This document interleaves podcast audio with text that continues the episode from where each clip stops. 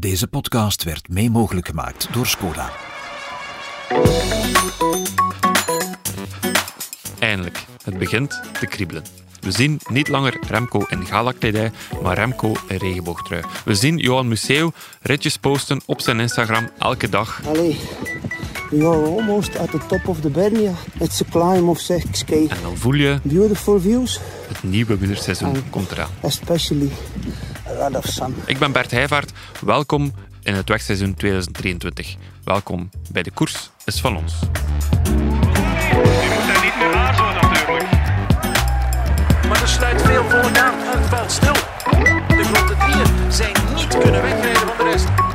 Dit is je kans, man. Ewan, Van der Poel, Schachman, Alaphilippe, Greg van Avermaat en Stuy zit erbij. Nu wordt het.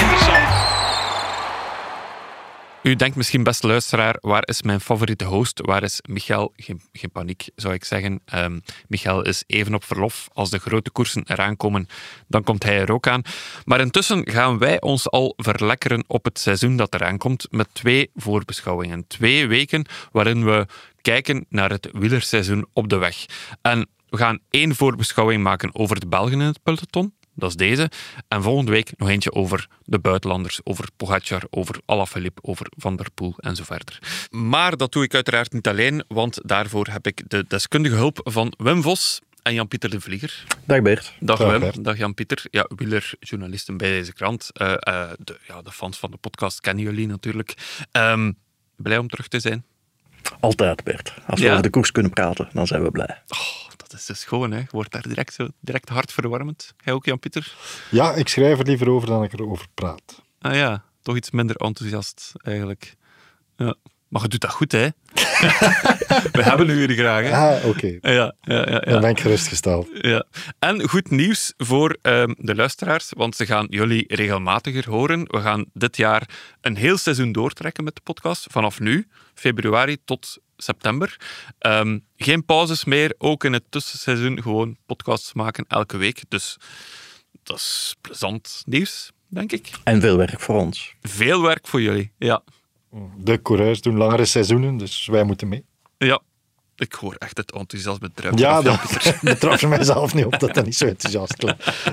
geen probleem, geen probleem. Eh, we gaan dus eh, beginnen met twee voorbeschouwingen, maar we vallen er nu wel een beetje koud in. En ik dacht, ja, we frissen het geheugen nog even op. Eh, we hebben een korte compilatie gemaakt van 2022. Ik zeg we, maar eigenlijk is dat het werk van onze stagiair, van Lander. Dag Lander, welkom in de podcast. Dag Bert, dank u wel. Ja, je hebt iets gemaakt voor ons en voor de luisteraars. En zet maar aan.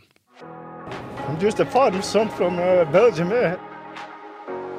The omloop at Nieuwsblad belongs to Wout van Aert. La Sanremo è sua Matej Mohoric. Terzo Van der Poel. Het is Girmay die wint. Girmay wint Gent-Wevelgem.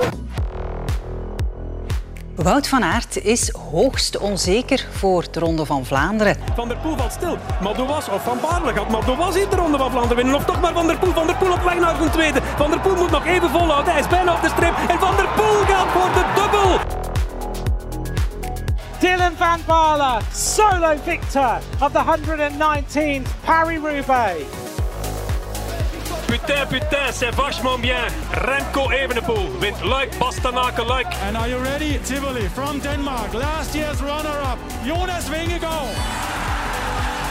This is a furious attack to win the stage. Solo leader, yellow jersey, Van Aert with an absolute masterpiece. Vingegaard et Pogacar y va. Vingegaard Vingegaard est parti là. Oui, oui, oui. Incroyable. Vingegaard, comme on dit, go, go. Het was de Tour van Jonas Vingegaard. Geel, bollen en twee ritten gewonnen. Remco Evenepoel wint voor de tweede keer San Sebastian. Welcome to the Netherlands for the start of La Vuelta 22. Here comes Remco, the stage winner, the race leader. But it's going to be, I think, another victory for Remco Evenepoel. Look at the gap. Oh, boy, oh, boy. This was the most perfect day ever. My mountain, my race, my jersey. Der große Dominator Remco Evenepoel. Remco Evenepoel. Remco Evenepoel Remco Evenepoel à 22 ans est champion du monde. The Belgian wonder kid is a world champion. Yes, Remco, oui, ja.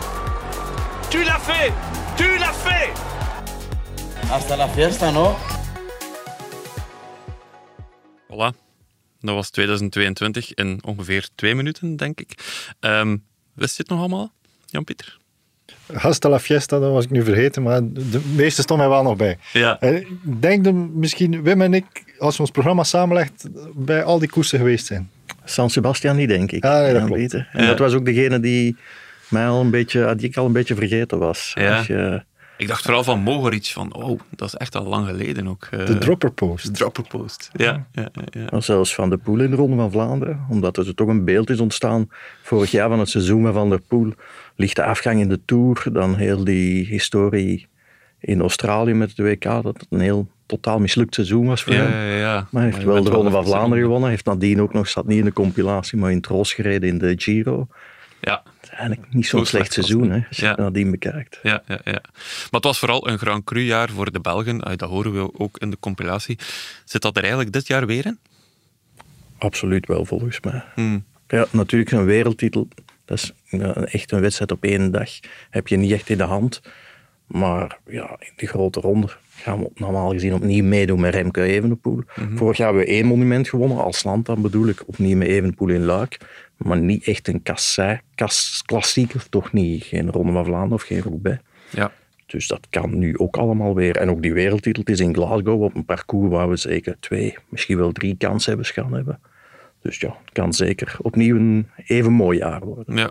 Zie, Maar- zie je dat ook zo? Ja. Ja, ik denk dat de marge meer bij Van Aert zit dan bij Evenepoel. Maar als die zijn, zijn jaar nog een keer eh, moet overtreffen, dat is bijna niet te doen. We gaan hier in deze aflevering de Belgische toppers eens overlopen. Eh, en we beginnen dat eh, natuurlijk met de man om wie het eigenlijk afgelopen weekend ook al draaide, om deze man. Ja, mijn, mijn doel is onveranderd. Ik wil Vlaanderen ja, en of bij winnen. Wout van Aert was dat op de ploegvoorstelling van Jumbo-Visma. Ehm, en hij zegt het daar zelf, hè, dit jaar moet het eigenlijk bijna gebeuren, de ronde of Roubaix winnen. Ehm, eh, is het nu of nooit voor hem? Dat is zeer scherp gesteld, maar eh, de tijd begint toch een klein beetje te, te dringen. Hij is 28 jaar. Ehm, hij rijdt in een ploeg die hem op geen betere manier kan omringen, denk ik. Die hem eh, alle mogelijke tools aanreikt om de ronde en Roubaix te winnen. Dus ja, het wordt tijd om eh, die klassiekers te pakken. Is 28 jaar al niet oud om je eerste ronde bijvoorbeeld te pakken? Eh, ja en nee. Ik heb het eens opgezocht. Cancellara won zijn eerste ronde van Vlaanderen. heeft uiteindelijk drie gewonnen. En hij won zijn eerste op zijn 29ste. Dus Ja. in die zin is er nog wel wat tijd. Maar het is wel zo dat ja, 28 is voor renner niet meer piepjong. En als je gaat kijken naar het palmares van de Ronde van Vlaanderen de laatste jaren, dan zie je daar jongens op staan als Asgreen, twee keer Van de Poel. Ja, die waren allemaal jonger dan 28 toen Ja. ze de Ronde van Vlaanderen wonnen. Dus ja, Tom Bonen had twee rondes en twee Roubaix op zijn 28. En eh, Van Aert heeft wel al gezegd dat hij voor een meer divers palmares gaat en niet zozeer eh, eh, zo vaak mogelijk dezelfde races wil Mhm. winnen. Maar. Ja, dat valt wel op. Hè, want natuurlijk, Van Aert heeft enorm veel gewonnen de voorbije jaren. Heeft natuurlijk wel Milan Sanremo op zak en Strade Bianche. Dat, dat had Tom Bonen dan niet. Maar ja, je voelt toch wel van...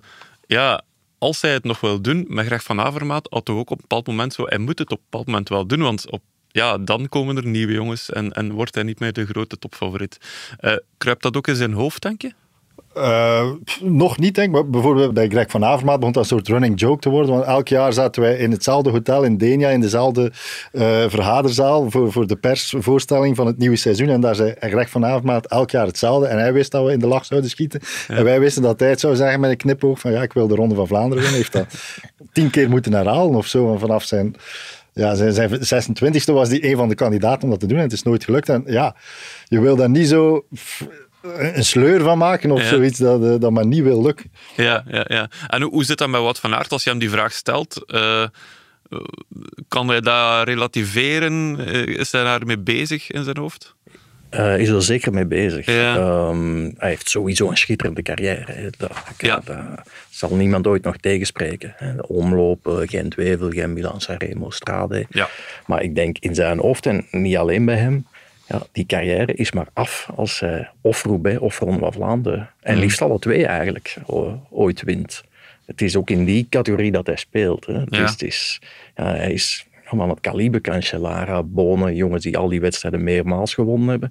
Ja, het is in die league dat hij meedoet eigenlijk. Het is Ja. niet... Jasper Stuyven zijn carrière is geslaagd als hij één keer Milaan Sanremo wint. Dat klopt.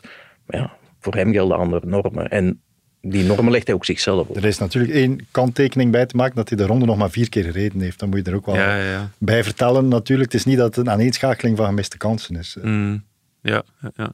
Er is één ronde waarbij hij er heel dichtbij was. Dat was eh, ja, die tegen Van der Poel. Millimeterspurt, ja, dichter kan je niet komen. Eh, hij heeft nu het WK ook verloren in de spurt van Van der Poel met twee. Begint dat in zijn hoofd te kruipen, denk je? Dat je wel, een van zijn talenten is dat hij een heel, heel rationeel iemand is. En dat hij, dat hij wel weet dat het een soort eh coinflip is, een, een sprint met eh, Van der Poel, en dat ooit wel eens zijn kant op zal vallen ook. Maar het is natuurlijk niet fijn om, Nee. om eh, die twee, op die twee grote momenten aan het kortste eind te trekken. Natuurlijk zit dat wel ergens in het achterhoofd. Ja, ja, ja. Want hij was wel kwaad op zichzelf, vond ik na het WK-veldrijden. Je zag hem echt zo het tentje ingaan en echt wel vloeken. Eh, dat vond ik wel opvallend. Ja, dat was zeker zo. En een beetje een, een rare uitleg. Zo. Ik was in de warm dat Van der Poel niet aanviel op de balken en zo. Ja. Ik, allee, voor, voor mij was de essentie dat Van der Poel een fractie beter was dan Van, van Aert eh, zondag. Ja. En dat zag je in de, doorheen de hele race en dat manifesteerde zich in de sprint ook. Ja. En is het iemand die, die traint op revanche dan, die dat dan in zijn hoofd heeft van, ja, en volgende keer heeft hij mij niet meer liggen? Misschien wel. Nu, het is sowieso iemand die onwaarschijnlijk traint. hè. Ik ben, Ja? ik ben daar nu zelf iets minder in thuis, maar ik zat vorige week bij Sven Nys. En die zei het ook, als ik op Strava volg wat hij allemaal doet, zeg dat tegen elke andere renner. En ja, die denkt dat je zot bent. Ah ja? Ja, Ja, ja. ja. Dus ja, blijkbaar is zijn trainingsarbeid ontzettend. Trainen is natuurlijk één ding, maar ehm, de ploeg, Jumbo-Visma, is ja, onwaarschijnlijk sterk. Was vorig jaar ook al onwaarschijnlijk sterk. Domineerde toch wel heel wat wedstrijden in het voorjaar. Ehm, vergelijk die eens met 2022. Is die nog sterker geworden? Ja, het is absoluut nog sterker geworden doordat ze Dylan van Baarle hebben gehaald. hè. Ja. De winnaar van de Roubaix, ja, als je die in je team haalt. Ja, ik denk dat niemand zal betwisten dat op papier alleszins Jumbo-Visma veruit de sterkste ploeg heeft. Ook voor, de Tour, later op het jaar, maar ook voor het Vlaamse voorjaar. Ja.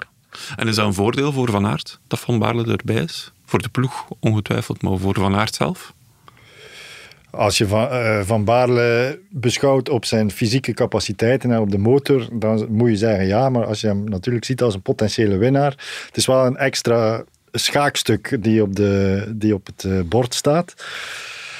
Dus ja, je moet ook zeggen, ze verliezen Mike Teunissen en ze verliezen Pascal Eekhoorn, van wie dat je, van, bij wie dat nooit een probleem gaat zijn dat die in de weg zitten van de overwinning van eh, Ja, die van zullen gewoon altijd wel een gat dichtrijden. Ja, Voilà. Dus dat, dat komt er bij Van Baarle wel bij, dat je nog iemand anders hebt, een tweede paard in de, in de race. Dat denk ik dat mentaal, hoe dat je draait of keert, dat dat toch iets is dat meespeelt door, eh, door een wedstrijd. Dat, eh, dat je toch moet zorgen dat de omstandigheden eh ernaar zijn dat jij eerste viool blijft spelen. Dus of ja, dat je het eerst weg bent in de koers, zoals bij Bonen en de Volder vaak geweest is. Ja, maar Bonen heeft echt een rondes verloren. Rondes niet, maar toch een ronde misschien door, eh, door de Volder. Dus in PK's is eh, Jumbo-Visma sterker geworden. Maar eh, ik denk niet dat dat automatisch betekent dat de winstkansen van Van Aert daarom groter worden. Ja, ja, ja. Goed, eh, nog als conclusie van dit hoofdstuk van Aert. eh, wint hij de ronde of Roubaix? De ronde of Roubaix. Ja.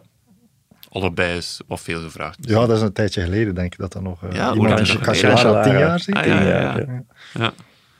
ja, dat is wel nog interessant. Gebeurt dat eigenlijk? Kan dat nog gebeuren? Of is dat veel moeilijker Ik geworden? denk dat dan? dat moeilijker is. Eh, Voor mij is de, eh, het rijtje van kandidaat-winnaars veel groter geworden dan in die, in die jaar. Ja.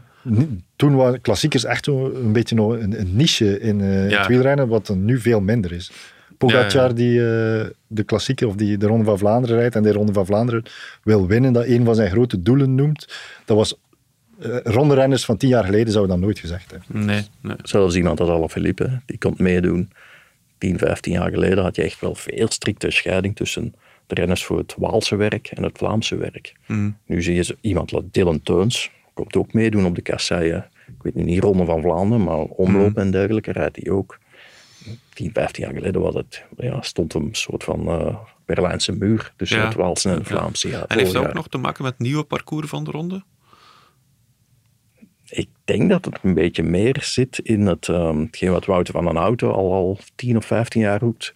Zo van de beste renners in de grootste koersen. Ja. En dat die slogan toch een beetje ingang heeft gevonden in het peloton. En dat je ziet dat die ja, echt goede renners zoals Pogacar, die zien een, ja, een boeiend, interessant monument zoals Ronde van Vlaanderen en die willen daar ook aan meedoen en doen er aan mee om te winnen. Ja, ja, ja. oké. Wim, wat denk jij? Wint Wout de ronde of Roubaix? Ik denk het wel, ja. En als... Ronde van Vlaanderen, zou ja. Oké. Ik denk dat, dat het realistisch is als ik zeg dat ik minstens een rit wil winnen. En dat ik eh, hoop op eh, zeker een top 10 plek. Maar eh, dat we toch wel voor die top 5 en misschien wel het podium gaan mikken. Goed jongens, vraag 2 van het seizoen eh, is ook redelijk duidelijk. Hè? Met hoeveel minuten voorsprong wint Remco Evenepoel de Giro? Wim? Eh 1 minuut en 48 seconden. Ah, oké. Op Roglic. 37. 37 seconden. Oké. God, dat zou wel cool zijn, moest dat nu echt zo zijn. Hè? Ja. Maar eh, wint hij? Dat is misschien de eerste vraag. Ja. Volgens jullie beiden wel, als ik het hoor. Ja, nee, ik vind het niet zo evident dat hij wint. Ja, Uiteraard is het niet evident. Maar ehm, er is zo'n beetje een, een sfeer van vorig jaar. De Vuelta gewoon en het deelnemersveld van de Giro is niet super sterk. En er zijn drie tijdritten. Dus dat kan alleen maar Remco Evenepoel zijn. Denk ik. ik ben er niet helemaal mee akkoord. Ja, ja, ja. Nochtans, ja, door die tijdritten, door dat parcours hem zo goed ligt, ehm, lijkt het zelfs bijna alsof dat hij alleen maar kan verliezen. Eh, of zien jullie dat anders? Hij is absoluut de topfavoriet. Ja. Dat vind ik wel. Of hij gaat winnen, dat is inderdaad een andere vraag. Maar zijn status, die hij op heel korte tijd heeft bij elkaar gefietst, ja, maakt dat hij daar... En dan in combinatie met het parcours, maakt dat hij daar absoluut als topfavoriet gaat starten. Dat denk ik wel. Roglic is een beetje gelijkaardig qua favoriete status misschien. Maar als je dan zijn recente verleden bekijkt, een operatie, dat gevallen in de Vuelta. Ja. Hij gaat ook heel weinig koersen dit voorjaar. Ehm, wellicht nog omdat hij wat herstelt van die operatie. Ja, als je dan de twee in de weegschaal legt, dan is Evenepoel voor mij groter favoriet dan ja, Roglic. Ja. Zelf zegt hij podium. Hè. Podium zal mooi zijn. Het is niet... Maar ik begrijp ook wel dat hij dat zegt. Het, is, het is ook een beetje, een beetje de manier waarop hij in de Vuelta is gegaan. Hij heeft zich dan niet als de absolute topfavoriet neergezet bij de start. Ehm, ik denk dat die rol hem ook wel wat bevallen is. Ehm, Ja, en dat ja, hij daar nu een beetje kunstmatig terug naartoe probeert te gaan. Maar ja, Maar dat is een beetje moeilijk. Als het gaat hem ook niet lukken. Nee, hij gaat ook daardoor het hele peloton bekeken worden als de man die... Ja, de, de kloppe man in de Giro. Ja. Nu, nog even over de Giro zelf, want ja, in vergelijking met de Vuelta, totaal andere koers. Remco heeft er al eens aan meegedaan. Eh, dat was toen een fiasco, maar totaal andere voorbereiding, totaal andere status en zo verder. Hoe zie je dat nu? Eh, is hij nu meer klaar voor de Giro en ja, past die koers nu wel bij zijn mogelijkheden? Eh, dat denk ik wel. Zeker als je naar het parcours kijkt. Hè. Drie tijdritten, in totaal net geen 70 kilometer. Ehm, ja, als je dat in tijd omrekent, een heel goede Evenepoel kan daar op 70 kilometer, 2, 2,5, misschien wel drie minuten pakken op eh, dichte concurrenten. Ja, dan mag je al eens, Ja, zelfs op een zeer steile berg, mag je dan al eens een klein tikje krijgen. Daar herstel je nog wel van. Ja. Dat is een beetje het Tom Dumoulin scenario, die ook wel goed was bergop en, en ook wel, maar eigenlijk zijn tijdritten had om het te consolideren in die Giro die hij won. Ja, absoluut. En als ik dan terugkeer naar je vraag van is hij ermee klaar voor? Ook dat denk ik. Ik was in die Giro die jij dan net een fiasco Ja. noemde. Ehm, ja, dan, dan was dat een heel nerveuze renner. Jong. Hij zei ook af en toe nog wel wat gekke dingen. Ehm, was heel moeilijk in de omgang soms naar de pers toe en dergelijke. Als je dan kijkt naar wie hij nu is, twee jaar, bijna twee jaar later, ja, dat is iemand met veel meer zelfvertrouwen, heeft al maturiteit gewonnen, heeft ook een veel natureller eh, omgang met de pers. Dus hij is echt wel veranderd op dat Ja. vlak. En ook meer klaar voor dat soort van wedstrijden. Eh, jij zei dat ook in de, in de Vuelta, Jan-Pieter? Dat hij dat hij veel volwassener was, dat hij echt wel gewoon ook relaxed was daar? Eh, ja. Ja, hij was letterlijk elke dag de laatste om de mixed zone te verlaten. Uiteraard ook omdat er aan hem het meeste vragen gesteld worden. Maar dat was onwaarschijnlijk hoeveel tijd dat hij maakte voor zijn eh, persrelaties.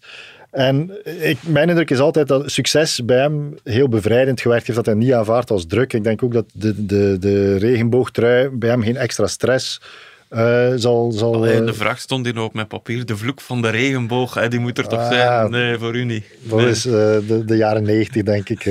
Ik ben blijven hangen in de jaren negentig. nee, ik geloof daar niet in. Omdat, dat heeft hem een, soort, dat heeft een beetje gedecomplexeerd, zo zijn succes. Ik denk dat hij zelf ook zegt dat hij veel minder frustraties voelt. Omdat ja, in de Giro, waar we dan naar refereren van twee jaar geleden, daar lukt het allemaal niet. En dat, dat is iets dat bij hem stresserend werkt. Ah ja, oké, okay, ja. ja. Remco kan niet dalen, dat, dat, dat is dan veel stresserender dan ja, ja, oh nee, ik heb hier een regenboogtrui en ik moet presteren. Absoluut, ja, zeker, 100% zeker.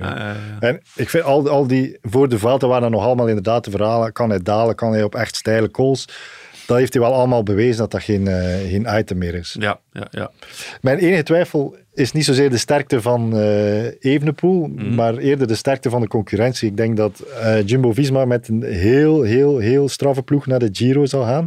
Op de, op de persvoorstelling hebben ze ook uitgesproken dat dat echt een doel is om de Giro te winnen. Ik denk dat ze deels ook wel genoodzaakt zijn om daar een mooi verhaal rond, rond te breien, want ze nemen Roglic dan niet mee naar de Tour, wat voor hem natuurlijk ja, ja, ja.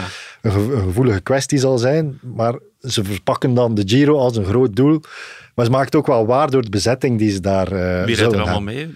Uh, Kelderman, die er uh, dit jaar is bijgekomen. Natuurlijk, de critici zullen zeggen, Roglic en Kelderman, als ze niet over elkaar vallen, zal het al een, een groot succes zijn. Maar dat zijn wel twee ja, toprenners. -huh. Dan nog Tobias Vos erbij, wereldkampioen tijdrijden. Robert Geesink erbij, Tratnik erbij. Kan Quickstep daar tegenop? Ik vrees van niet. Maar kan je, kan je met de beste ploeg nog een grote ronde winnen? Moet je, moet je niet sowieso de beste renner hebben? Ah, dat heeft Vingegaard ook bewezen in de Tour van vorig jaar. Dat is zeker waar. Als, de beste renner kan een ploeg uh, irrelevant maken. Ja. Maar ik denk dat hij in de Vuelta kan, in de Giro iets minder kan en in de Tour niet kan. Ah ja, oké. Ja. Maar Wim ja, ik ben het niet, niet eens met wat Bert zegt. Ah, okay. Ik denk ja. dat Vingegaard net vorig jaar de Tour wint, omdat hij daar de beste ploeg heeft. Heeft Pogacar daar een ploeg zoals Vingegaard erin heeft, denk ik dat het veel spannender zou geweest zijn. Maar hij rijdt hem er toch gewoon los af op de Grand Of dat was ook door het ploegenwerk vooraf misschien? Ja, voilà. Ja. Mm. Pogacar heeft daar vanaf de derde laatste call alles alleen moeten oplossen. Ja, tegen, ja, tegen drie, vier renners van Jumbo-Visma heeft hij daar één, twee, drie man zoals Jumbo extra in steun. Ja, ja, ja. ja, Laten we eens inzoomen op die ploeg van, van Remco dan. Um, er zijn versterkingen gekomen. Ik ga even over naar Lander, want Lander die heeft eigenlijk alle transfers mooi opgelijst ter voorbereiding van deze podcast. Ik heb uren in uh, Pro Cycling Stats doorgebracht en uh, bij Soudal Quickstep was ik er eigenlijk super snel door. Die hebben maar drie inkomende transfers gedaan. Mm -hmm. um, Jan Hurt, Casper uh, Petersen en dan natuurlijk Tim Merlier. Ja, dat is niet, zo, dat is niet zoveel. Hè. Als je ziet van ze bouwen een ploeg rond Remco, dat was toch het grote verhaal. De Merlier zit daar al niet bij als, als, ja, als steun in de bergen. Dat wordt inderdaad de grote uitdaging. Ja. Dus dit jaar voor heel die ploeg en voor Lefebvre is enerzijds wat kan Evenepoel bevestigen wat hij vorig jaar heeft laten zien. Maar het gaat dit jaar ook het jaar zijn waarin Lefebvre die versterking moet kunnen halen voor de toekomst. Op dat Evenepoel echt een, ja, een ploeg heeft die grote rondes kan domineren zelfs. Waarom is dat afgelopen jaar nog niet gebeurd? Ja, het zat een beetje, denk ik, qua markt ook wel wat tegen. Waren heel weinig renners einde contract ook. Ja, ja, Dit seizoen zijn er meer dan 20 einde contract, of rond de 20. Hmm. Dus daar zit er veel meer marge op. En inderdaad, er waren niet zo heel veel namen zomaar vrij van die, van die profielen van uh, klimmers. Pools was zo iemand die algemeen verwacht werd bij Quickstep. Ze hebben dan inderdaad voor Hiert gegaan. Maar als je kijkt dat UAE, zoals iemand als Jay Vine, die was niet einde contract. Mm. En die ja, zijn wel op de renner en op zijn ploeg ja, toegestapt. Ja, ja. Hebben die daar kunnen losweken. Ja, dat zijn toch de scenario's waar ook Lefebvre aan gaat moeten denken. Wil hij ja, die ploeg rond Evenepoel echt uitbouwen? En heeft, heeft Soudal Quickstep genoeg centen voor een ronde ploeg? Uh, op dit moment niet. Maar als je ziet dat Honoré moeten laten gaan terwijl hij nog een jaar onder contract ligt. Honoré die toch up and coming was in, de, in de klassiekers dan. Dat is helemaal niet, niemand, Honoré, de Deen. hè. ja, Ja, ja. helemaal niet iemand voor in de bergen of zo. Misschien wel waardevol als een- in een knechtenrol in een grote ronde. Maar dat je zo'n beloftevolle renner moet laten gaan terwijl hij nog onder contract ligt. Dat wijst toch niet op veel budgettaire marge binnen de ploeg, denk ik. Ik liet me wel vertellen dat hij niet zo fijn in die groep lag. Dus eh, dat men daarom niet echt veel moeite gedaan heeft om hem tegen te houden. Ja, ja, ja, ja, ja. Maar wat ik bijvoorbeeld zie is, zoals Jumbo-Visma, die haalt dan Jan Tratnik. Misschien niet de meest bijzondere renner, Hmm. maar dat is iemand, Roglic kent die heel goed. Een beetje een vertrouweling, vriend van eh, Roglic. Ja. Ja. en die halen ze dan bij, ook om hem ja, wat gunstig te stellen. En dat zijn dingen, denk ik, die Evenepoel ook allemaal wel ziet. Ja. En die ook in zijn hoofd gaan spelen. Hij wil ook zo'n ploeg rond hem. Met mensen, met vertrouwelingen, met mensen die goed bij op kunnen. Met ja, jongens zoals een Kelderman, ja, toch echt de subtoppers geweest Ja. in, eh, in de grote rondes. En dat heeft hij momenteel niet. Nee. En, en hij weet ook, als hij over twee, drie jaar echt wil meespelen in de Tour, gaat hij die jongens wel nodig hebben. In, in de Vuelta is de ploeg wel niet door het ijs gezakt vorig jaar. ehm, maar is dat goed genoeg om in de Giro ook er te staan? Dat zullen we nu in mei moeten zien. Maar ik wil altijd zeggen, de ploeg heeft zichzelf absoluut overtroffen. Ja. En dat, dat was absoluut zo. Dat, dat klopt. Alleen ja, hoe dikwijls kan je jezelf overtreffen? Mm. En het feit dat dat woord al gebruikt wordt, zegt iets over hoe men eigenlijk kijkt naar de normale waardes van die renners. Ja. en dat zijn geen renners die grote rondes kunnen domineren, Ja. denk ik. Over wie hebben we het dan die nu vooral in steun eh, rijdt voor, voor Remco? Wie wordt er echt belangrijk?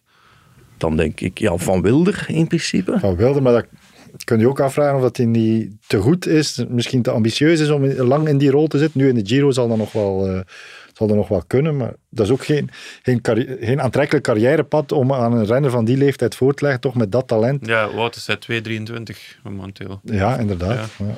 Dus hij zal nog altijd vervaken. Mhm. Uh, nu, Jan Hirt, dat vind ik nu wel persoonlijk een, een goede versterking is van de. Ja. Ja, inderdaad. En die jongen heeft zelf top 10 gereden in de Giro. Dus dan heb je, heeft ook al eens een rit gewonnen, dacht ik. Dan heb je wel wat in je mars. Dus het zijn eigenlijk dat soort van renners die hij meer gaat moeten zoeken. Ja, ja, ja. Niet bij één Tsjech houden, maar je hebt er meerdere nodig. Ja, ja, ja. En heeft hij iemand in zijn ploeg momenteel die echt tot het einde kan meegaan? Want dat zie je vaak. hè. Dat is toch wel belangrijk dat er, als er een, een, een rit van drie calls is, dat die op de laatste call er nog is. Dan zal Van Wilder, als die nog een stapje kan zetten, is dat wel iemand die dat zou kunnen. Ja. Ik denk misschien op termijn ook van Zevenhand. Dat is toch ook een goede klimmer moeten zijn. Die was er nu wel niet bij in de Vuelta, dacht Nee. ik. Masnada is iemand die al heel veel blessures gehad heeft bij Quickstep. Dat is ook wel iemand die zich in de Giro al een paar keer eh, overtroffen heeft. Ik denk dat dat een koers is die hem nou aan het hart ligt. Dat gaat ook iemand zijn die heel waardevol is. ja, die, het is een Italiaan natuurlijk, die in Italië rijden die nog Voilà. 20% rapper sowieso. Door het- Hij- in, in de Vuelta was hij er nog bij in Madrid op de laatste dag, terwijl hij met eh, zadelpijnen sukkelde. En zelfs Patrick Lefevre had er respect voor dat hij het zo lang volgehouden had. ja, ja. Dus dat zegt ook wel iets. Ik denk dat dat een beetje de conclusie is. Wij willen absoluut niet Quickstep neerzetten als een bende nitwits die, die niet kunnen fietsen. Alleen Ja. komen zij nu in een, ja, tegen tegenstanders, Jumbo-Visma, eh, UAE, dat soort van ploegen in grote rondes. En die hebben ook gewoon meer budget. Daar moeten we ook gewoon eerlijk in zijn, denk ik. Meer budget en op dit moment betere renners. Ja, ja, ja. ja. Oké. Ja, officieel hebben die niet, niet meer budget. Dat is een van de, van de grote ergernissen van Patrick Lefevre. Die beweren of zeggen dat ze op een budget van 25 miljoen zouden draaien. Of zo. Dat zijn toch de cijfers die circuleren. Maar, Dat is ongeveer hetzelfde als Soudal Quickstep dan. ja, maar eh, Lefevre zegt van ja, als je die naam, ik weet wat die namen vragen Ja. om te komen. En dat, dat klopt niet. Als je dat allemaal optelt, kom je niet bij 25 En waarom miljoen. is dat dan? Waarom, waarom wordt dat officiële budget niet bekend? Omdat niemand maakt zijn officiële budgetten. Dat zijn altijd cijfers die circuleren in de media. L'Equipe pakt daar dan een keer mee uit en dan maakt dan een lijstje. En bovenaan staat dat Ineos, Ja. die dan op 45 miljoen staat. Maar ik, ik vraag me bijvoorbeeld af of dat, of dat dan nog waar is, want daar is Carapaz vertrokken, Richie Poort is gestopt en inkomend staat er ook heel weinig tegenover. Dus dat is echt iets heel vloe, budgetten van, eh, van ploeg. Ja, grappig, dat is wel een groot verschil met tegenover de voetbal, waar dat toch wel veel duidelijker is. Ja, inderdaad. Ja, Ja. ja, ja, ja. Ze moet dat alleen aan de UCI bekendmaken het einde van het jaar. En de, alle ploegen worden dan eens samengeroepen en dan krijgen ze te horen in welk kwadrant zij zitten. Dus zijn ze bij de, de, ja, het eerste, beste, rijkste kwart bij het tweede kwart, derde of vierde. Dat is de enige informatie dat, dat de ploegen krijgen. Ja, eigenlijk Ja, wel, ik ja. denk dat dat, als ik juist ben, dat dat uitgezet wordt op een slide, een call. En dat er rennertjes op staan. En dat je dan ziet, wa- budgetair, welk rennertje dat je bent en waar dat je op de call zit. eh, aan de staart of eh, in de peloton. Amai, die sluit Eh, aan had de ik ook kop. wel eens zien. Ja, ik ook, maar... die- Alpecin zat in het derde kwart, dacht ik dat ze mij vertelden. Ja. Ja, dan presteren die best nog goed eh, als je ziet waar dat ze uiteindelijk eindigen in de ploegenranking. eh, Ja, ja, ja, absoluut. Daar zijn ze ook best trots op. Ja, ja, ja, ja, ja. Ik hoor het Christophe Roodhoofd al zeggen. Ja. Eh, goed, slotvraag. Wanneer is Remco zijn jaar geslaagd eigenlijk? Als hij een ehm, monument kan winnen, als hij podium rijdt in de Giro, en dan nog minstens één andere rittenwedstrijd, type Catalonië of UAE kan winnen. Oké, dat is wel een stevige boterham. Ja. Ik vind als hij de Giro wint, is zijn jaar ook geslaagd. Ja, klopt. Maar ik denk dat zijn, eh, hij zelf de lat zeker niet lager legt hoor. Heeft dat ook bij het begin van het jaar gezegd. Hè. Zijn programma is relatief beperkt. Heeft San Juan gereden, straks UAE, Catalonië, dan Luik, eh, de Giro. Dan bijna niks, denk ik, tot het WK. Hij heeft echt letterlijk gezegd van elke wedstrijd waar ik start, rijk voor te winnen. Ja. Ja, ja, ja. Het wordt sowieso een jaar waarin ja, elke scheet die Remco Evenepoel laat eh, groot nieuws zal zijn. Eh, en dat gaan we natuurlijk ook in deze podcast opvolgen. Dus ehm, hebben we een klein rubriekje, de week van Remco. De week van Remco Evenepoel. En in de week van Remco gaan we elke week bekijken welk groot of eerder klein nieuws er over Remco Evenepoel te rapen viel. Zeg eens jongens, eh, wat is jullie opgevallen? Hij is deze week langs geweest in de gebouwen van L'Equipe, de Franse sportkrant, om eh, de Velo d'Or op te halen. En ik dacht een fotootje gezien hebben dat hij ook poseerde met de Ballon d'Or, die daar ook ergens moet, eh, moest staan. maar dat is gewoon even vastgehad. Ja, inderdaad. Ja, Nog een keer terug naar zijn roots. Ja, ja, ja. Jij nog iets gezien, Wim? Absoluut. Ik zag dat eh Oemi, de vriendin van Remco, een avondkleed te koop heeft gesteld op de sociale media.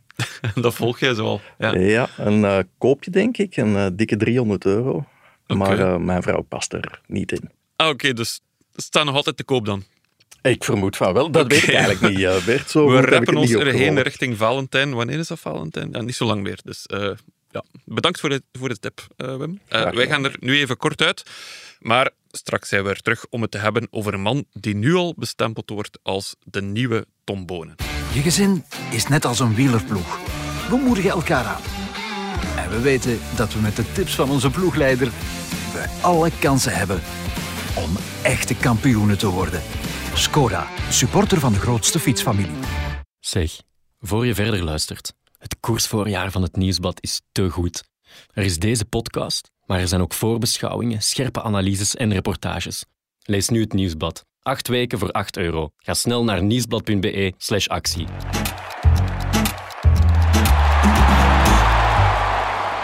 Ik heb eh, veel wachting. Ik, ik wil eh, nog veel winnen. Maar eh, mijn eerste doel is, is ja, een mooie, een mooie klassiek winnen. Een Vlaams klassiek. Ik, weet niet welk, maar één is, eh is super goed voor mij. Jongens, dit lijkt mij de jonge Philippe Gilbert. Het is vooral, eh, denk ik, de next big thing Ja. van Belgium. Ah, oké. Zoals eh, de Europese wielerjournalisten een beetje naar hem kijken, denk ik. Ja, iemand die heel veel kan, nog heel jong is. En ja, dit jaar al, op het moment dat we spreken, drie wedstrijden heeft gewonnen. Ja. Dat zegt veel, denk ik. Vooral duidelijkheid, we hebben het over Arnaud Delis. Hè? De, de, ja, de nieuwe kopman, moet je eigenlijk al zeggen, van Lotto Destiny. Ehm, hij is het seizoen waanzinnig gestart. Hè? Vertel eens, Jan-Pieter. Hij is gestart met een overwinning in de Classica Valenciana. Een eh, soort eendagswedstrijd voor de, voor de ronde van Valencia. En een eh, zeer indrukwekkende overwinning eh, direct, omdat daar in de finale nog een, een klim van 18 kilometer in zat. Weliswaar een lopende klim. Maar Lotto had er vooraf verkend, te- terwijl ze op stage waren daar. En de verwachting was toen dat het kantje boordje zou zijn, of de Lee daarover zou geraken of niet.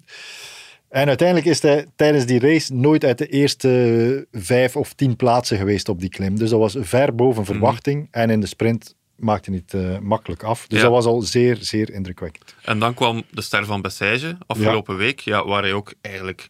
Al iets meer verwacht dat hij daar zou, eh, zou scoren, maar de manier waarop was opnieuw super indrukwekkend. Ja, vertel eens. Ik dacht in rit 2 of 3, ik ben het even kwijt. Ehm demareert hij zelf. Een beetje, ja, gaat geleidelijk aan wat bergop ook. Hij wordt helemaal teruggepakt door het peloton. En voor bijna alle renners is dat dan ja, een beetje laten afzakken. En, en 100 meter, 200 meter achter het peloton Ja, en, binnenkomen. eh, ja, maar hij herzette zich. ehm, maakte zich klaar voor de sprint en won de sprint. Dat is eigenlijk ja, een recuperatie op een afstand van anderhalve kilometer aan een snelheid van 40, 50 en meer kilometer per uur. Ja, Dan heb je goed getraind deze winter. ja, en er werd met, eh, door het hele peloton met open mond naar gekeken. Ja, want ik, eh, dat gebeurt ver van ons bed. Ik zou dan als, van op afstand zeggen, het is maar de ster van Bessage. Maar jij zei al in de voorbereiding, nee, nee, nee, dit is wel straf. Ja, de tijd dat iemand als Eddie Planket met 5 kilo te zwaar aankwam in Bessage en dan met een winterpens puur op talent twee ritten of drie ritten kon winnen, ja, dat is echt wel gedaan. Als Ja. je kijkt welke namen dit jaar in die, al die Zuiderse voorbereidingswedstrijden al hebben gewonnen, dan zie je iemand als Rui Costa, gewezen wereldkampioen, Mats Petersen, gewezen wereldkampioen, eh Girmay, kennen we sinds vorig Ja. Jaar. Ehm, Ciccone, ehm, iemand die drie ritten gewonnen heeft in de Giro. Ja, dat zijn allemaal geen kleine namen meer. Mm. Ja, dus ja, ook ja. in die eerste wedstrijden van het seizoen winnen tegenwoordig alleen nog, ik zal niet zeggen de absolute toppers, maar wel, het zijn geen meelopers meer. Dat Ja. zegt iets over het niveau in die, in die eerste koers. Goed, wie is Arno de Lee? We, we kennen hem sinds vorig jaar vooral als een sprinter, maar hij is waarschijnlijk meer dan dat als ik jullie zo bezig hoor. Een klim van 18 kilometer, daar raakt Mark Cavendish niet over. Eh, nee, als je zegt de nieuwe Gilbert, op dit moment is hij wel nog meer het profiel Tom Bonen dan Philippe Gilbert. Maar bij Lotto verwachten ze dat hij ook in, in klimklassiekers ooit eh, kan meespelen. Bij Lotto is de overtuiging dat de Amstel eigenlijk ook niet te zwaar zou zijn. Zelfs niet op dit moment, alhoewel dat hij nog niet eh, opgesteld zal worden dit jaar. En Kurt van de Wouwer, de nieuwe sportief manager van eh, Lotto Destiny, die toch een beetje de ontdekker is van Arnaud Delis, die denkt dat op termijn zelfs Luik niet te zwaar zou zijn. Dus zijn potentieel is wel enorm. Hij komt ook uit het mountainbiken, dus daar heeft hij als jeugdtrainer zich het eerst laten opmerken. Mm. Ja, in het mountainbike moet je wel een beetje kunnen Ja, klimmen. dat kan je wel. Ja, want je zou het niet zeggen als je hem ziet. Het is, het is een redelijk. Hij heeft echt wel een karuur. Hij heeft eh, een breed bovenlijf. ehm, lijkt eerder zo'n type machtspurter. Ja, dat Ehm, is hij ook, hè. Ja, ja, ja, ja. Maar hij heeft ook wel inhoud om te klimmen. En, want hij moet toch wel kilo's mee naar boven eh, sleuren. eh. Ja, ik denk dat er ook nog wel wat babyvet aanhangt. Ja. Dus als hij dat nog kwijtgeraakt op termijn, dat, ja, het zal, de toekomst zal het ook moeten uitwijzen, hè Bert, of dat allemaal is. Maar men ziet in hem, nu is hij nog vooral een sprinter. Men ziet op korte termijn iemand in voor het Vlaamse werk. Mhm. En dan op de iets langere termijn inderdaad ook dat Amstelwerk. Ja. En een eh, gezond zelfvertrouwen, zeggen ze bij, eh, bij Lotto. Ja, is dat? Ja. Ja, ja, ja. Hij heeft zo, zonder dat eh, ooit Geen arrogant... zo, Nee, ja, hij komt ja. heel sympathiek over. Maar eh, bijvoorbeeld vorig jaar na Gent-Wevelgem was zijn eerste koers van meer dan 250 kilometer was. Vroeg ze, en hoe is het geweest in de, in de mixed zone? En hij zei, wow, ça va, ça va. Dat was niet echt... eh, hij vond dat geen item, 250 kilometer. Ik, ik zat bij hem bij Lotto Destiny. Op de mediadag was zo aan de avond zelf een soort van groot avondfeest, vergelijk met een trouwfeest, allemaal ronde tafels, eh, waarbij de eretafel zat de belangrijkste persoon, dus alle topsponsors van de Nationale Loterij, de nieuwe CEO van Lotto. En als enige renner zat hij daar ook. Dus zegt hem iets over de status Ja, van zijn ploeg. En hij zat ook voortdurend grapjes te maken. Want men vroeg hem dan van, ja, waarom ga jij eens niet crossen of zo? Dan zei hij laconiek, ja, ik moet zien dat Van Aert dit seizoen ook nog iets kan winnen. Bijvoorbeeld. Dat is wel het zijn type van, eh, Ja. van, van grappen. En ja, het beetje het flamboyante dat in hem Ja, zit. ja, ja. Nu, het feit dat hij daar zit, is inderdaad echt wel opvallend. Hè. Het is een tweedejaarsprof. Ehm dan word je al als grote man uitgespeeld bij Lotto. Het toont ook wel een beetje aan dat ze hun vingers kruisen dat hij, dat hij gewoon een topjaar heeft, want dan redt hij eigenlijk die ploeg eh, dit jaar. Dat denk ik wel, ja. Ja. Ja, alle gewicht ligt op zijn schouders bijna. Je hebt natuurlijk nog renners als Kampenaerts. Ja. Dat is de kaart die ze uitspelen in de omloop het nieuwslot binnenkort. Florian Vermeers. In de Tour, als Caleb Ewan zijn benen van twee jaar geleden terug kan vinden, is dat uiteraard ook nog Ja, wel ja, een ja, belangrijke renner voor hen. Maar ja, je voelt aan alles dat, ehm, ja, Arnaud de Lee de man moet zijn die de ploeg er dit jaar, maar zeker de komende drie jaar ja, helemaal bovenop moet helpen en ook terug naar de World Tour moet brengen. Ja, ja, ja. ja, want we hebben ook eens de transfers bekeken van Lotto. Uh, Lander, ja, je hebt, er, je hebt die ook in je lijstje staan. Um, soms maar eens op, ze zijn ook, ja, net zoals bij Quickstep, niet zo indrukwekkend eigenlijk. Nee, klopt. Ze hebben uh, negen nieuwe renners aangetrokken. Um, en ja, dan kijk ik vooral naar jullie, maar zeker geen um, toppers. Uh, ik zal ze een keer opnoemen. Johannes Adamiets, Pascal Eenkoren, uh, Jacopo Guarneri, Arjen Livijns, Milan Mente, Matthijs Paaschens, Eduardo Sepulveda, Liam Slok en Lennart van Eetveld. Um, ja, met alle respect voor die renners natuurlijk, want ja, er zijn ook veel jonge gasten bij, maar um, wat vinden jullie van dat lijstje? Ja, niet om achterover te vallen, maar natuurlijk, als Lefevre het middenveld versterkt, vinden we dat heel verstandig gezet. En als Lotto dat doet, vinden we dat dan uh, ja, geen overtuigende namen. Dat moet je wel mee in overweging nemen, natuurlijk. Mm. Maar het zegt ook veel over, over uh, de positie van De Lee als Wellens vertrekt, uh, Gilbert vertrekt. En daar tegenover staan die namen die geen paupers ja. zullen zijn, maar geen grootverdieners. Dus dat is veel geïnvesteerd in de contractverlenging van de Lee. Dat is, uh, dat is heel duidelijk. Ja, ja, ja. En Leonard van Eetveld is wel een zeer groot talent. Ja, ja, ja. Maar hoe zit dat met die toekomst van Lotto? Want ja, ze, zijn nu, ja, ze zitten nu niet meer in de World Tour. Is dat erg uh, voor hen? Of is dat eigenlijk misschien net goed? Kunnen ze even herbronnen, uh, een nieuw elan geven? In de feiten het gaat het niet zoveel uitmaken voor hen op dit moment. Hmm. Ze zijn de, als beste niet World Tour ploeg. Um, mogen ze aan al die grote wedstrijden deelnemen, Tour. Die Giro mochten ze meedoen, maar hebben ze zelf voor gekozen om um, dat over te slaan. Ja, dat is ook wel straf vanuit commercieel perspectief, dat die gewoon zeggen, Giro, laat maar. Ja, het, niet echt, ja, het is straf vanuit commercieel perspectief, maar um, zij kijken vooral naar de puntenscore. En ja, met de beperkte kwaliteit in de breedte van de ploeg... Mm -hmm hebben ze eigenlijk geen volwaardige ploeg die kan meedoen in de Giro. Maar voor zo'n Caleb Ewan is dat toch... Als, als, als je nu Caleb Ewan bent en je hoort al, ja, mijn ploeg gaat niet meedoen, want we hebben eigenlijk niet genoeg renners of niet genoeg budget om daar echt naartoe te gaan? Ja, hij zelf zei erover van hij had het parcours van de Giro eens bekeken, waar zeer weinig kansen ah, ja. voor sprinters, ja, ja. dus hij vond dat niet erg. Mm -hmm. um, en ik denk ook wel, als dat tegenover staat, dat de ploeg vol investeert in die tourploeg, uiteindelijk is het daar dat Caleb Ewan zijn zegen, zijn, zijn, zijn, zijn roem, ja. prestige moet bijeen fietsen. Dan denk ik dat hij daar wel mee kan leven. Ik hoorde ook dat ze... Lotto was nog een van de weinige ploegen waar niet op een heel georganiseerde, gestructureerde ploeg hoogtestages werden ingelast. Mm. In mei, juni en dergelijke. En dat in ruil voor het overslaan van de Giro, daarin zou geïnvesteerd worden. Dus dan denk ik dat iemand als Caleb Ewan dan wel mee kan leven op dit ja. moment. Ja, ja. Dat is bij uitbreiding ook het verhaal voor, voor uh, de budgettaire kwestie. Ze zeggen, ons budget is niet gedaald, maar we hebben meer geïnvesteerd in trainers, in voedingscoaches. Uh, is veel meer in omkadering en daarin denken ze dat ze veel renners een stap hoger kunnen laten zetten. Is dat een goede keuze, denk je? Ja, op zich wel. Maar ik, be ik begrijp bijvoorbeeld niet dat ze niet naar Tour Down Under gaan. Als je hoort dat de relatie tussen Caleb Ewan en Lotto moeilijk was vorig jaar, uh, waarbij toch uh, wat harde woorden zijn gevallen, vind ik dat nu niet echt een vertrouwensboost om hem daar in een universitair team Met zijn een plan, te laten, shirtje, ja, ja, zijn plan ja. te laten trekken. Dan had ik wel een inspanning gedaan om hem daar goed te, te omringen. Maar bon, officieel zit, zit iedereen daar weer op dezelfde golflengte en gaat Caleb Ewan een, een uh, goed jaar draaien. Ja, ja, ja oké. Wanneer is eigenlijk het jaar van, om even terug te keren naar de Lee, wanneer is het jaar van de Lee geslaagd? Uh, is het dan uh, de vraag aan mij? ja, Lange stiltes. Ja. Nee, ik denk als hij een wedstrijd zoals Kuurne kan winnen, dat is op zich al heel mooi. Hè. Ja. Hij, is, hij is 21, denk ik. Ja, en wat hij ongetwijfeld gaat doen, is die, die ritzegen zoals nu in Bessèges of in Valencia. Dat Mm. gaat hij het hele jaar blijven doen. Een grote ronde rijdt hij niet. Um, Goeie ja, keuze? Tja, daar wordt een beetje ook naar zijn leeftijd gekeken.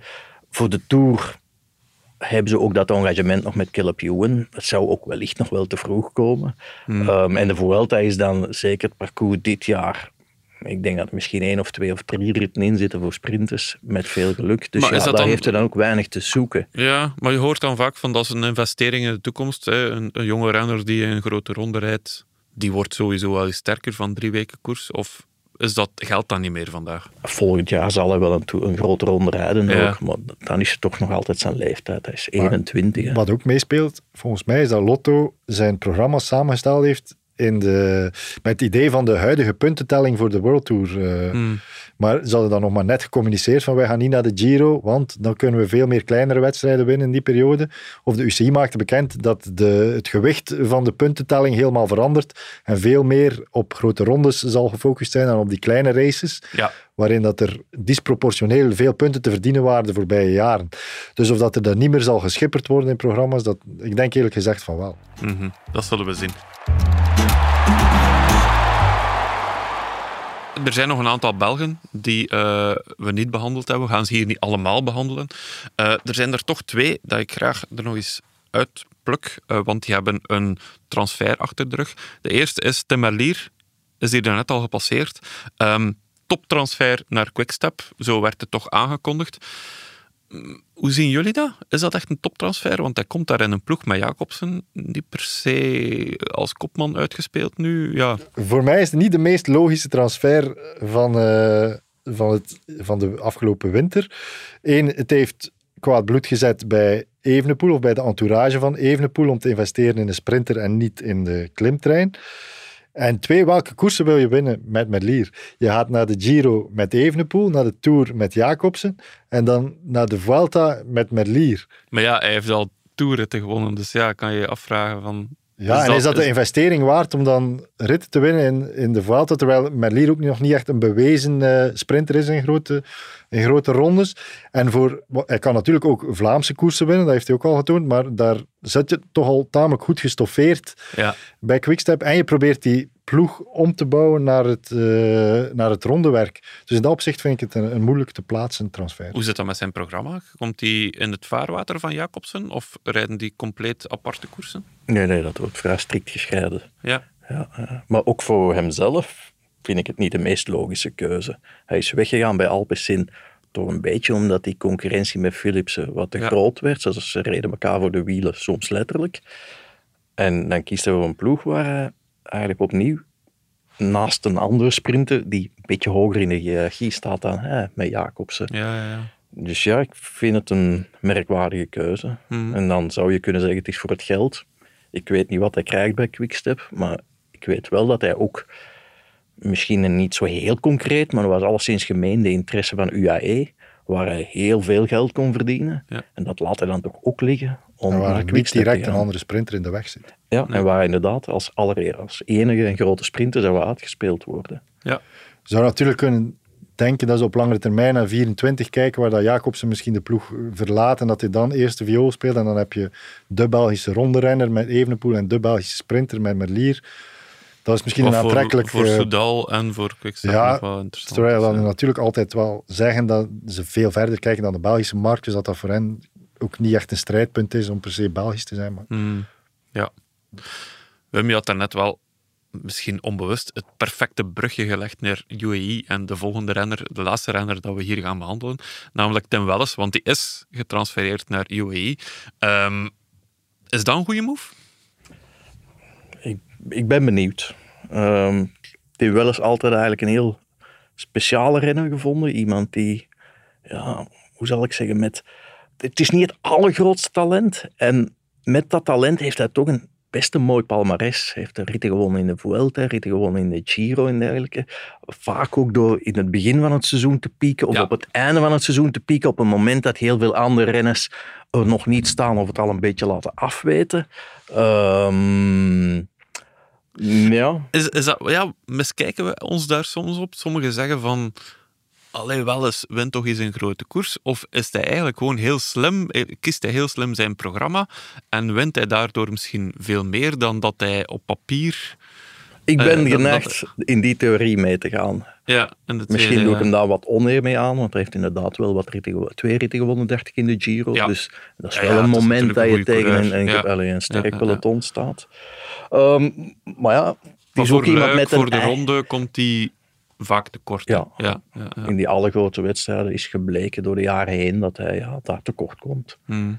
En plus, het is ook iemand met ja, toch een eigen wil, ehm, die het graag op zijn manier doet. En dan ga je naar een ploeg als UAE, waar ja, ik denk hij minder vrijheid zal krijgen dan bij Lotto. Oké jongens, om af te sluiten eh, heb ik nog een rubriekje in de aanbieding. Een heel leuke rubriek. eh, want naast de Week van Remco is er ook vanaf dit jaar de Yves Lampaard Wisseltrofee. De wisseltrofee Yves Lampaard. I'm just a party son from uh, Belgium. Eh? De Yves Lampaard Wisseltrofee, dat betekent eh, dat we elke week een eh, trofee uitreiken aan de renner die de beste quote had eh, de afgelopen week. Ehm, en jullie hebben er een opgezocht, maar hij is niet in Nederland, hij is in het Spaans. La vida de un ciclista, sin importar si es líder, gregario o miembro de un importante equipo World Tour o de una humilde escuadra profesional, es símbolo de lucha. Wie horen we hier? Eh, Nairo Quintana, die tegen alle verwachtingen in niet aankondigt dat hij stopt met wielrennen. Mhm. Ik moest eh, die persconferentie volgen voor, eh, voor de krant. die zou om, eh, om drie uur in de namiddag beginnen, maar toen vloepte de livestream aan. Eh, er was er alleen een stoel in beeld. Het, was, eh, het leek allemaal heel provinciaal eh, georganiseerd. Maar ik moet zeggen, toen dat Quintana voor de microfoon kwam zitten, het was met presidentiële allure dat hij zijn zaak verdedigde. Met een, een mooi wit hemd aan, echt eh, een vurige speech gaf hij. En dus hij kondigde aan dat hij helemaal niet zou stoppen. Hij zocht een ploeg en wil verder gaan. Ja, ja, ja. Dus eh, hij maakte... Want ja, om even te schetsen, Quintana vorig jaar op non-actief gezet, eh, nadat er ja, een verboden product was ontdekt. Dat was tramadol. Tramadol, Ja. pijnstiller. Ja, ja, ja. Eh, bij Arkea ook ontslagen op dat moment. Maar hij wil nog altijd blijven koersen, ook al ja, eh, is hij, eigenlijk- lijkt hij fijn de carrière, lijkt het gewoon over. Zeker met dit verhaal. Ehm, hoe zien jullie dat? Gaat hij nog aan een ploeg geraken, denk je? Ja, hij kan het wel willen. Maar het Mhm. zal van de ploeg afhangen, denk ik. Of hij nog eh, op het niveau kan koersen dat hij zelf eh, ambieert. En daar heb ik mijn twijfels bij. Ehm, ik, doping ligt al heel lang heel gevoelig in, eh, Ja. in het wielrennen. Het is dan misschien maar tramadol, maar een pijnstiller. Maar ja, elke ploeg, elke sponsor is vandaag, ja, wil zich daar niet mee associëren. Oké, daarmee zijn we aan het einde gekomen van deze eerste voorbeschouwing, jongens. Eh, bedankt om alvast jullie deskundige inzichten te delen met de wereld. Met plezier. Mhm. Volgende week hebben we het over andere wielerstoppers, à la Pogacar, à la, à la Philippe, à la Mathieu van der Poel. De buitenlanders dus, zoals dat we ze wel eens in één naam noemen. Dus ja, tot volgende week zou ik zeggen. Tot volgende week, Bert. Tot volgende week. Dit was De Koerses van ons, een wielerpodcast van Het Nieuwsblad. De stemmen die u hoorde waren van Wim Vos, Jan-Pieter de Vlieger, Lander Loots en van mezelf, Bert Heijvaart. Dank aan House of Media en Pieter Santes voor de montage en de muziek. En dank aan u natuurlijk om te luisteren. Tot volgende week.